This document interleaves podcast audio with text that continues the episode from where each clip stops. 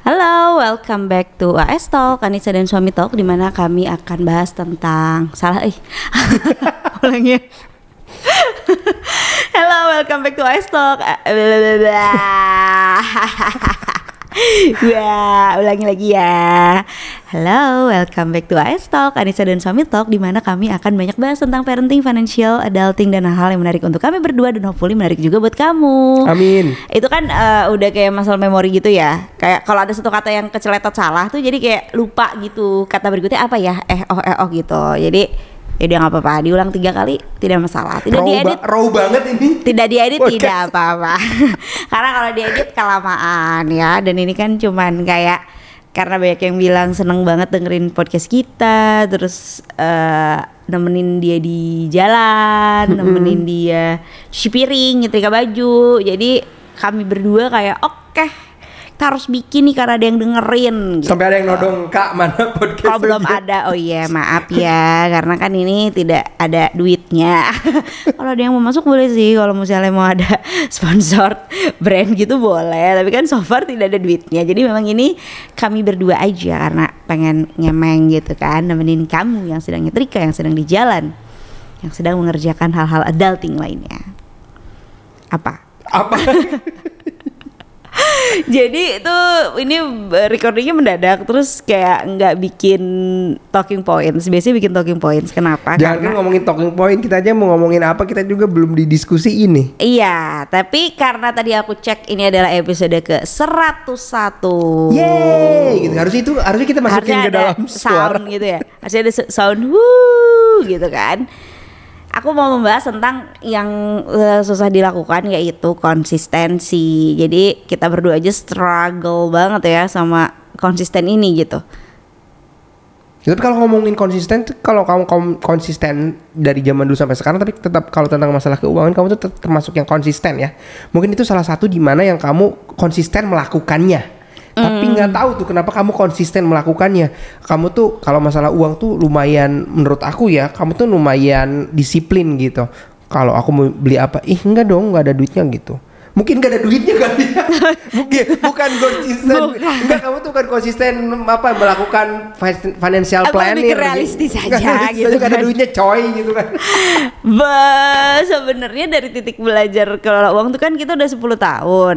Kayak enam bulan pertama tuh kita nggak konsisten sebenarnya. Iya setahun pertama lah mungkin ya. Mana kan lagi hamil, terus habis itu struggle melahirkan. Nggak sekonsisten itu. Bahkan aku masih di titik denial, nggak mau auto debit tuh dulu si uang sekolahnya Silo tuh.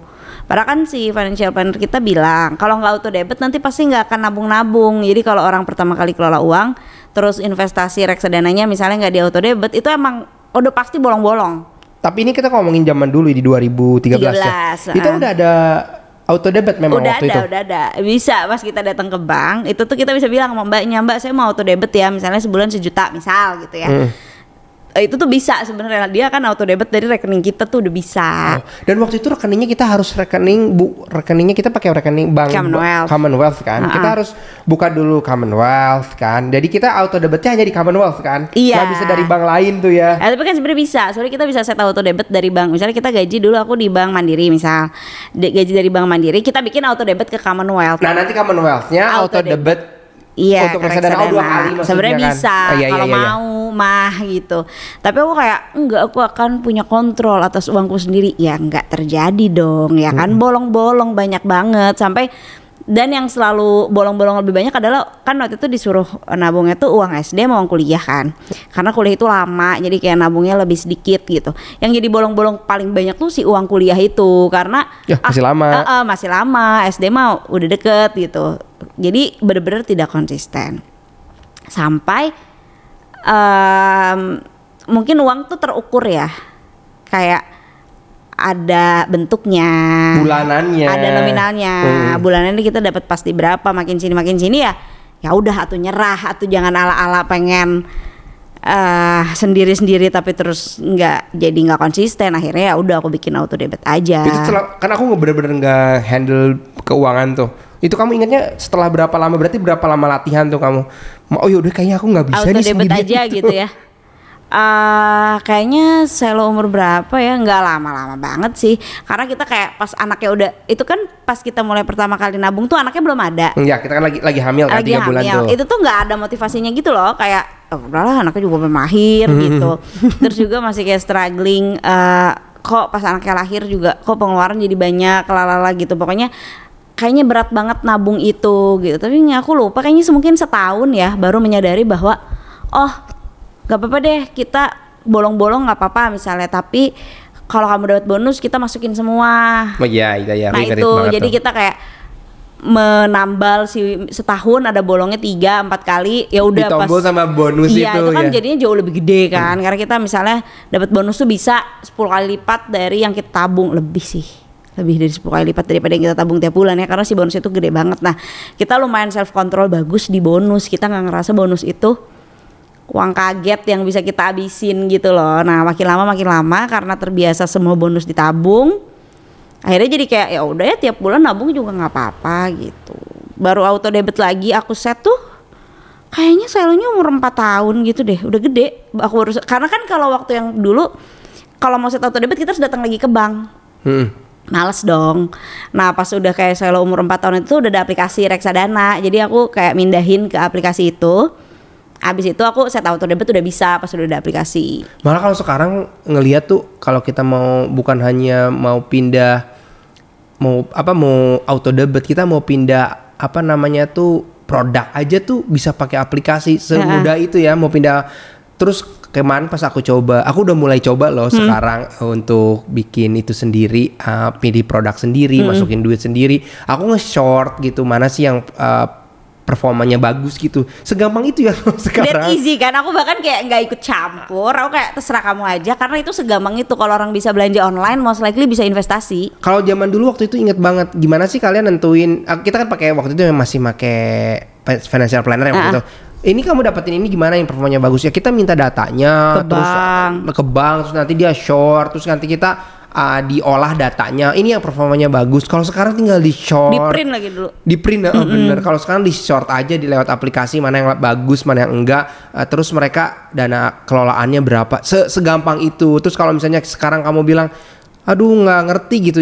Bukan nggak ngerti sih mungkin kalau orang sekarang ya kamu hanya aja kurang mau ya berusaha. Usaha juga lebih kecil sih sekarang ya. Dan bahasa-bahasa yang dipakai tuh nggak bahasa-bahasa investasi gitu loh, kayak kalau zaman dulu bahasanya ya bahasa investasi banget kayak apa ya? Contohnya adalah misalnya di bibit nih kita mau jual reksadana atau enggak kita baru beli reksadana.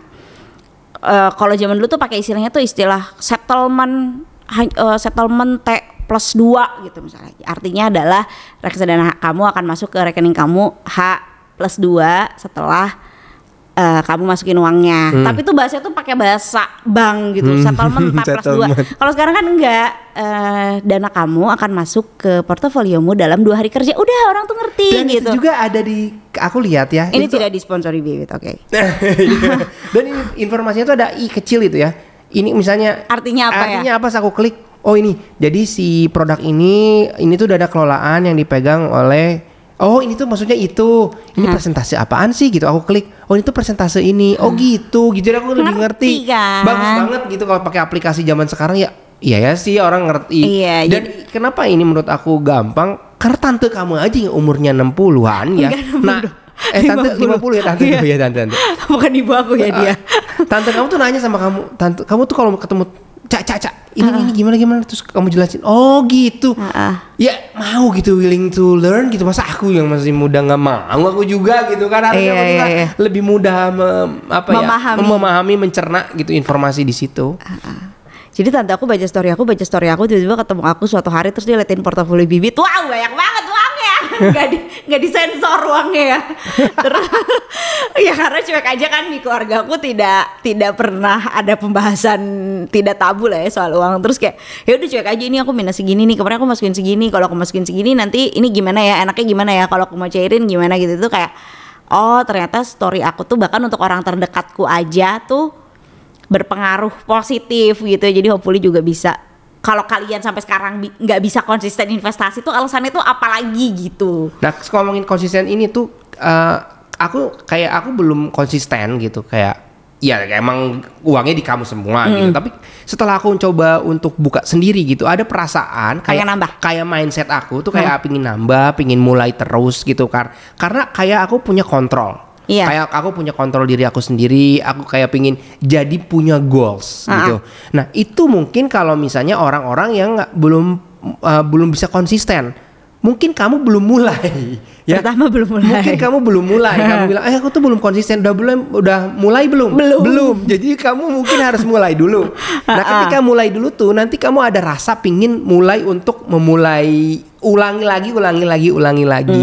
Kayak kita laluin waktu yang tadi diceritain setelah beberapa tahap kali kita latihan baru kita mulai konsisten. Kita mau mau mulai auto debat gitu. Tapi kan kita harus mulai itu harus latihan. Kita kita nutupin apa kekurangan kekurangan kita terus memperbaiki memperbaiki. Kalau kamu belum pernah mulai apa yang harus kamu perbaikin loh? Karena kamu nggak ada nggak tahu juga kekurangan kamu apa gitu. Tapi biasanya kalau soal uang orang tuh ngerasa daripada kecil mendingan enggak gitu. Ah, cuman dapat cuma nabung 100 ribu mending juga enggak gitu. Padahal kayak lumayan banget coy. Aku tuh tipe yang ngelurus-lurusin tabungan tuh dari pertama kali resign kan nabungnya eh, jadi ada dua macam ya. Eh, dulu kan kalau kerja gampang tuh auto debit sekian itu udah pasti tabungan yang pasti tiap bulan sekiannya kan. pun pasti dibuletin ya Nggak Iya, mungkin kamu, itu kan ah nggak mau nggak mungkin kayak auto 5 debit." juta 50 ribu gitu, kan nggak mungkin kan. Aku mau 5 juta pas atau kalau Iya. atau 6 juta deh gitu kan. Nah. nggak nggak nggak 6 juta 550 gitu. Iya. Padahal duit kamu 6 juta 550 kenapa 6 juta 550 aja? Nah, itu dia, kan. 550 nya buat jajan gitu kan. Nah itu dia itu aku pernah bahas live eh, sama Nucha dulu ya bahwa ngelurus-lurusin tabungan itu bikin tabungan kita tuh lambat banget kekumpulnya waktu aku pertama kali resign kan pertama kali aku dapat uang tidak tentu tuh pertama kali nominal yang aku tabungin tuh eh, tidak tentu banget. Kalau dulu tuh tentu banget kan. Kita akan nabung tiap bulan sekian karena sisa uang sekian. Kita akan nabung saat kamu dapat bonus kamu paling ngambil berapa habis itu sisanya akan kita tabung. Nominalnya itu selalu ya udah segitu gitu gitu gitu aja.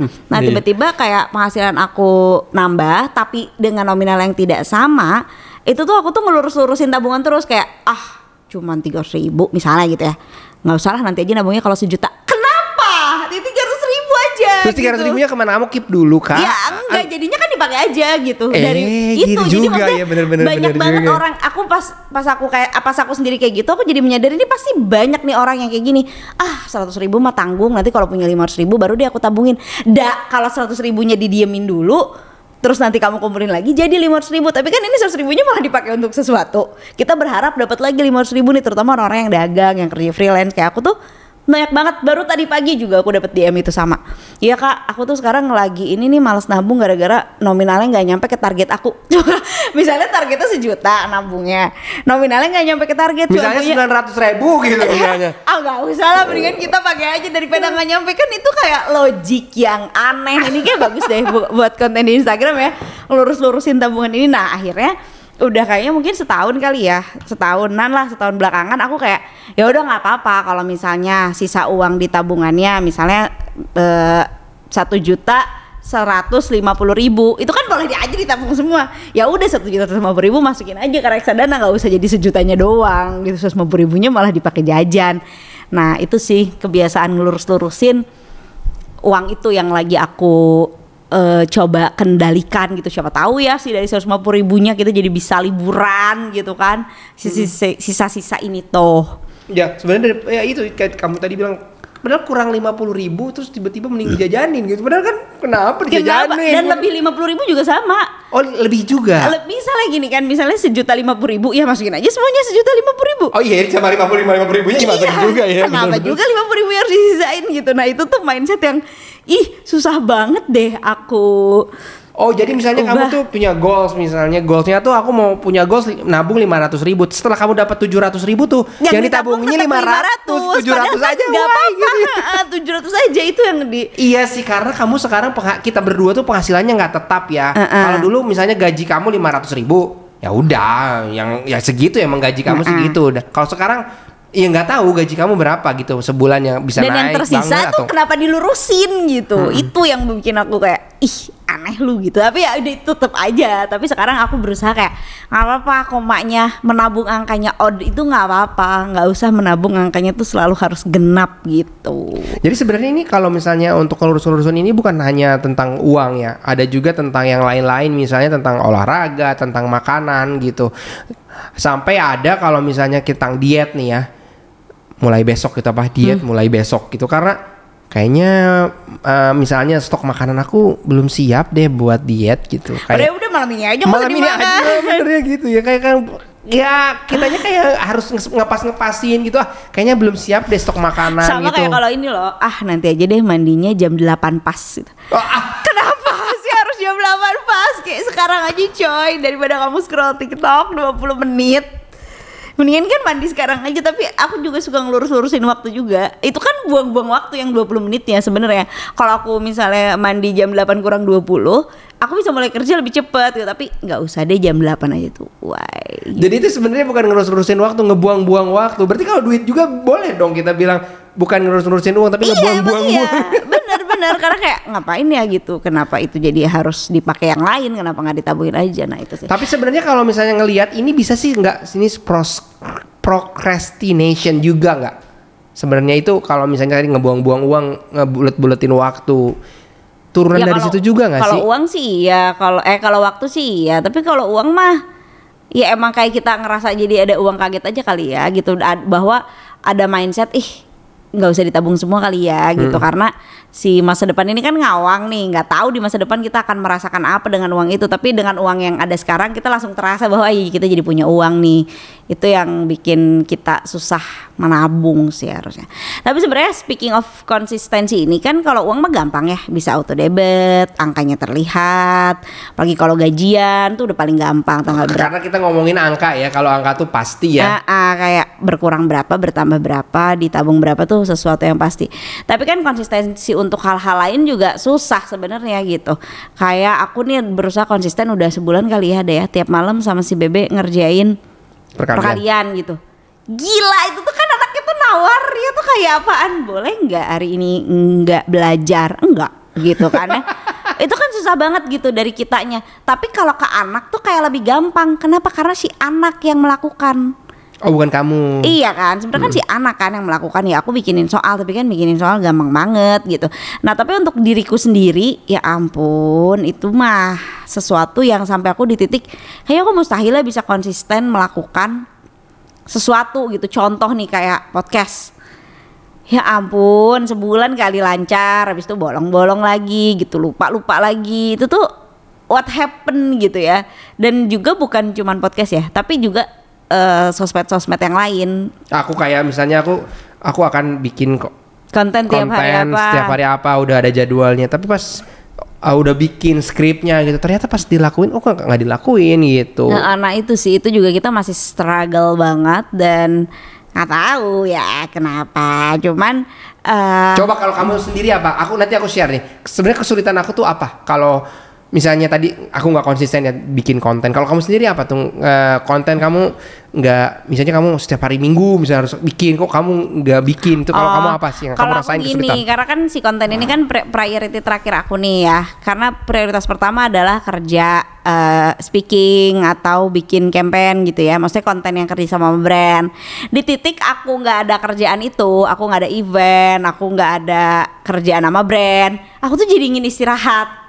Oh, itu iya. menurut aku tuh problem yang berulang olehku gitu ya. Padahal harusnya pas aku lagi nggak ada event, nih kayak hari ini aku nggak ada event, harus itu aku tuh stok konten. tapi pas aku tanya kapan kamu istirahat gitu kan kamu nggak ada jadwal tetap istirahat karena kamu tuh nggak ada kan Nggak ada, ha.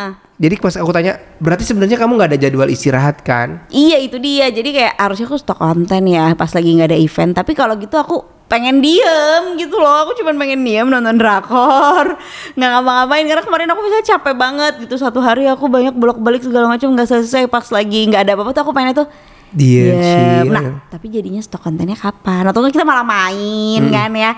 Terus kayak eh oke itu sih kalau aku. Dan aku tuh mood driven banget bikin konten tuh. Jadi ini aku udah semangat banget nih misalnya nanti aku akan bikin konten topiknya A gitu. Nanti minggu depan aku harus bikin itu. Tiba-tiba kayaknya nggak pas ya gitu dengan kondisi aku saat itu dengan mood public sentiment Oh, iya, misalnya iya. kayak Berarti si- memang si siapa ya, si topik yang kamu ambil itu memang harus ah, erat kaitannya juga dengan apa yang lagi terjadi ya. eh, timing tuh kayak Timingnya itu tuh penting ah, banget jadi ya. nggak mood ya ngomongin sekarang. Sekarang Nggak lagi cocok rame gitu apa ya. ha, ha, nggak cocok. Jadi nggak jadi gitu. Atau TikTok nih. Kemarin aku udah setiap hari bikin TikTok tuh tiga bulan full. Ya aku tiap hari tanpa bolos gitu ya. Works kan followers aku naik. Tapi habis itu kayak stok skripnya habis. Dan aku belum ada waktu untuk nyetok skrip lagi. Jadinya nggak punya skrip. Akhirnya kan nggak nggak posting tiap hari lagi kan. Sekarang posting kayak iya seminggu sekali seminggu dua kali. Dan itu tuh kapan ya? Berarti aku harus nyempetin lagi nih harusnya di waktu-waktu kayak gini nih. Nggak ada event aku tuh harusnya nyetok skrip TikTok gitu supaya pas ada waktu di mobil atau di mana aku bisa syuting. Nah itu yang berat di aku tuh adalah pengen istirahat work life balance pingin eh, diem dulu grounding. Tapi jadinya nggak ngerjain lain. Jadi ya kalau orang bilang konsisten banget bikin konten. Lihat aku udah pernah bilang ya lihat coba kapan aku bener-bener posting sesuai jadwal atau kayak oh ternyata kamu postingnya tuh setiap hari ya. Oh ternyata postingnya seminggu tiga kali ya. Nggak ada cerita. Atau misalnya dilihat aja konten kamu terus di, ditulis tuh hari apa hari apa. Nggak nggak ada itunya nggak nggak ada, polanya, nggak ada polanya. gitu. Itu sih yang bikin gila ya, susah banget. Karena nggak punya bos kali ya. Hmm. nggak ada yang lagi-lagi kita juga apa kita bikin konten apa enggak gitu. Kamu tuh tepat waktu kalau misalnya memang udah ngomong sama brand, ya itu bos kamu adalah brand ya. Kalau ada brand Udah udah pasti. udah pasti karena ada perjanjian, ada amanah di situ ya yang harus kamu kerjain di situ. Ya, itu sih. Jadi konsistensi ini susah. Tapi kalau ada hubungannya sama si bebe tuh kita lumayan tau. Maksudnya yang susah tuh adalah kalau diri kita berdua doang. Eh, tadi kamu mau cerita apa Oh iya, aku juga sama itu sih tentang konsistensi aku apa kenapa aku sulit juga seperti itu. Kayak ap- kenapa? Karena kalau aku sendiri tuh gampang banget ke distraksi ya. Hmm. Kayak oh ya aku mau bikin konten terus aku lihat cuci piring. Oh, cuci piring belum selesai nih gitu. Hmm. Tiba-tiba cuci piring padahal bisa loh, nggak usah cuci piring aja Nggak gitu. ada yang komplain Nggak ada, nggak ada yang Nggak bakal komplain. kamu lagi bikin konten tiba-tiba aku kayak sayang kok belum cuci piring Nggak Dan bakalan nggak bakalan Cuci piringnya dua atau tiga gitu, ya udah aja kan masih ada piring yang lain. Kalau misalnya tiba-tiba ada yang mau makan gitu ya, Ah, ah. masih ada piring yang lain gitu. Kita punya stok gitu. Kita emang di rumah tiga, tapi piring kita ada lima. Ah. Artinya kalau tiga kotor, ada masih ada dua gitu. Iya. kan. Nggak masalah lah gitu. Tapi kenapa tiba-tiba pengen beresin apa meja gitu. Hmm. Padahal meja juga biasanya nggak nggak beres gitu. Nah itu sih gampang ke terida- te- te- te- ke ke ke terdistraksi distraksi tiba-tiba keingetan oh eh, tanaman di belakang belum kesiram gitu nyiram dulu tanaman gitu menurut kamu apa Ah. yang membuat kamu seperti itu eh pikirannya nggak nggak rapi sih Hmm. pikirannya nggak rapi karena hidupnya juga nggak rapi kecuali yang rapi adalah jadwal-jadwalnya Silo Iya kan jadwal-jadwal Silo tuh rapi banget Silo pergi sekolah aku nyiapin makanannya dia apa yang harus dia bawa itu tuh lumayan rapi tuh karena bosnya adalah sekolah loh Iya, jarang banget tuh Salo eh, nggak rapi gitu ya. Ah. Dia lesnya kapan? Tuh bawaannya apa tuh aku jarang banget tuh Salo kelewat. Ada yang pernah kelewat pernah, tapi jarang banget kelewat. Kalau udah masalah Salo itu lumayan disiplin sih. Karena karena Kal- dia ada waktu-waktunya lah kita nggak ada waktu-waktunya ini dan ini pertama kalinya dalam hidup kita kita nggak punya bos kan Hmm. sebenarnya kita seumur hidup kayak sekolah kerja punya bos begitu nggak punya bos Ada jadwalnya. Ada jadwalnya. Mata pelajaran apa sih sekarang gitu ya? PR-nya apa besok gitu kan udah jelas. ya sekarang tapi aku juga sebenarnya nggak mau maksain diri sih jadi kayak oh ya udah berarti kamu stok konten aja eh, seminggu tiga kali atau enggak eh, pakai ini aja pakai editor segala macam. Enggak juga sih aku kayak menganggap ini semua very personal. Jadi kalau sampai aku maksain atau kayak yang penting ada aja deh kontennya nggak mau juga ya kan? Terus ya pakai editor aja. Bukan masalah ngeditin coy ngeditnya mah cepet konten isinya apa gitu. Kayak banyak yang tidak mau dikompromikan juga jadi pada akhirnya ya udah tidak konsisten lah Ya mungkin kalau sekarang kita masih nyaman di sini, tapi nggak tahu mungkin di depan apa kita kan nanti akan pakai editor kamu kali ya. Ah, we don't know gitu. Tapi kalau sekarang kamu mungkin masih nyaman di sini gitu di level ini. Iya karena nggak bu, eh, editor it, ngedit itu cepet. Kayak yang yang nggak tahu mau bikin mah apa idenya? Kayak ngeditnya mah kamu sekarang bikin video aku editin juga cepet gitu. Tapi mau bikin apa? Itu kan yang jadi masalah gitu. Sementara eh, follower convert ke uang kan. Orang tuh suka nggak menyadari itu loh. Kenapa sih emang harus bikin konten terus coy? Itulah yang mengkonvert jadi uang gitu.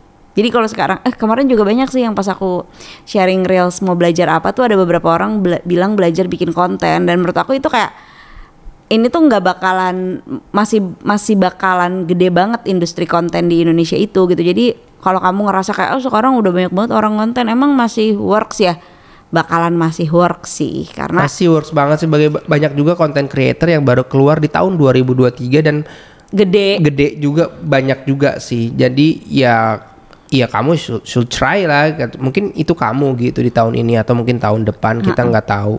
Kalau nggak pernah coba ya nggak tahu. Ya mungkin aja kamu bisa nyoba konten yang sekarang kamu jalanin kamu sebagai lawyer sekarang ya kamu edukasi law apa tentang Hukum. hukum gitu ya di Instagram. Ya kalau misalnya kamu sekarang bikin konten tentang hukum ya kamu juga akan terkenal ya gitu kan orang akan ngelihat orang akan nge- lebih ngelihat lawyer yang punya follower 10.000 ribu dibanding orang lawyer yang followernya sep- 10 doang atau misalnya ya kamu mungkin akan lebih dilihat lah. Dipercaya. gitu, dipercaya kayak ke- kemarin kamu nge, eh, nge- apa nge-share ke aku cerita ya tentang guru yang followernya banyak Oh, akhir- Galih. Galih ya.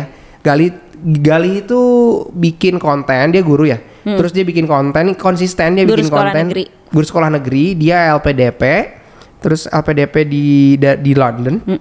Terus dia konsisten bikin konten juga tentang pendidikan. Akhirnya dia nggak siapa sangka dia bi- yang review buku-buku pelajaran di Indonesia sekarang ya. Hmm. Coba kalau di- dia nggak bikin konten, ya mungkin dia juga nggak akan kepilih untuk hal itu. dan dia mau ke Korea mewakili Indonesia untuk forum guru apa gitu internasional. Kayak guru sekolah negeri sebanyak itu kenapa dia yang berangkat? Ya karena dia yang kelihatan sama Kemendikbud bahwa dia melakukan sesuatu gitu untuk uh, anak-anak di negeri ini gitu ya. Kamu juga mungkin ibu kamu udah jadi guru 20 tahun. Ada dulu temen kantor aku ya ibunya tuh udah jadi guru di pelosok Banten gitu yang level kalau bagi rapot itu saking di kampungnya pada bawa hasil bumi gitu loh yang ada ngasih Pisang tandan jagung gitu. Nge- kayak gitu-gitu kan ya mungkin ke ibu kamu juga seberpengaruh itu pada pendidikan anak di desamu tapi siapa yang tahu gitu kalau kamu nggak ngasih tahu ke dunia Ah, kamu juga tahu karena dikasih tahu sama teman kamu ya. iya kan bener-bener. kayak ya siapa yang tahu kalau dia guru yang keren